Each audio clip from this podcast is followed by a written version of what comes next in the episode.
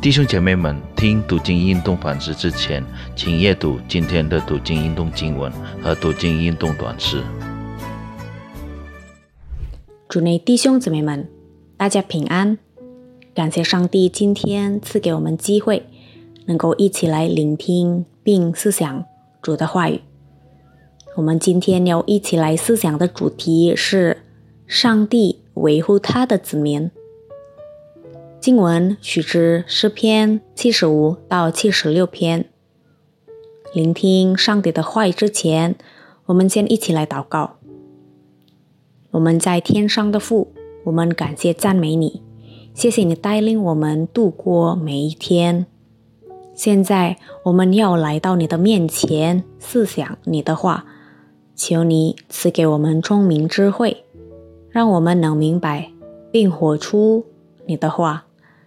感谢神，奉主名求，阿门。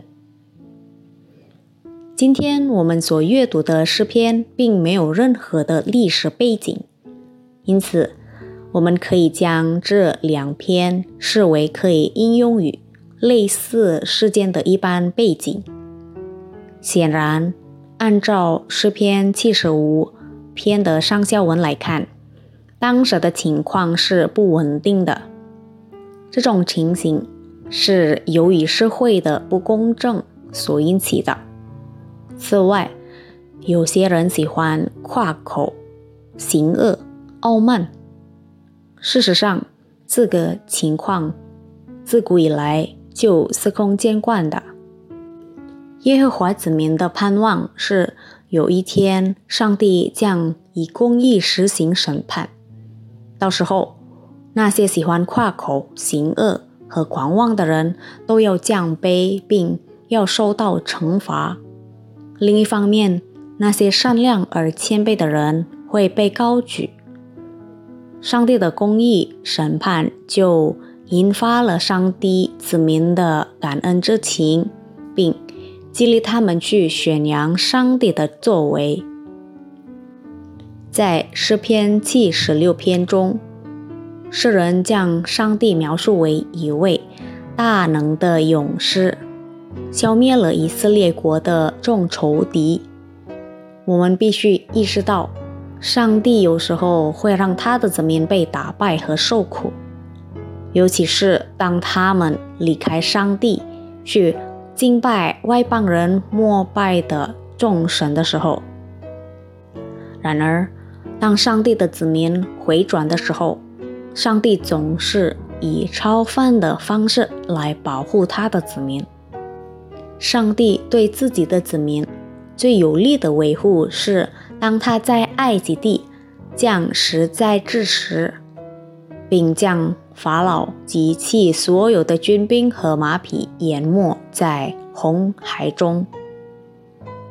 现在我们要看自己，我们是否因为他人的恶行欺骗？诽谤并打压，而在生活中遇到各种困难，甚至要背负重担呢？要记住，我们有一位伟大的维护者，他有能力用我们所意想不到的方式来帮助我们，所以我们要继续仰望上帝，求他尽快的帮助我们，并为我们开一条出路。要相信，在上帝没有难成的事。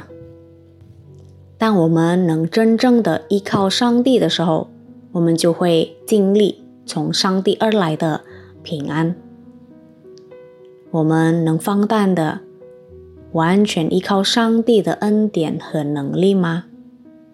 我们祷告，主耶稣，我们呈现你，我们呈现你。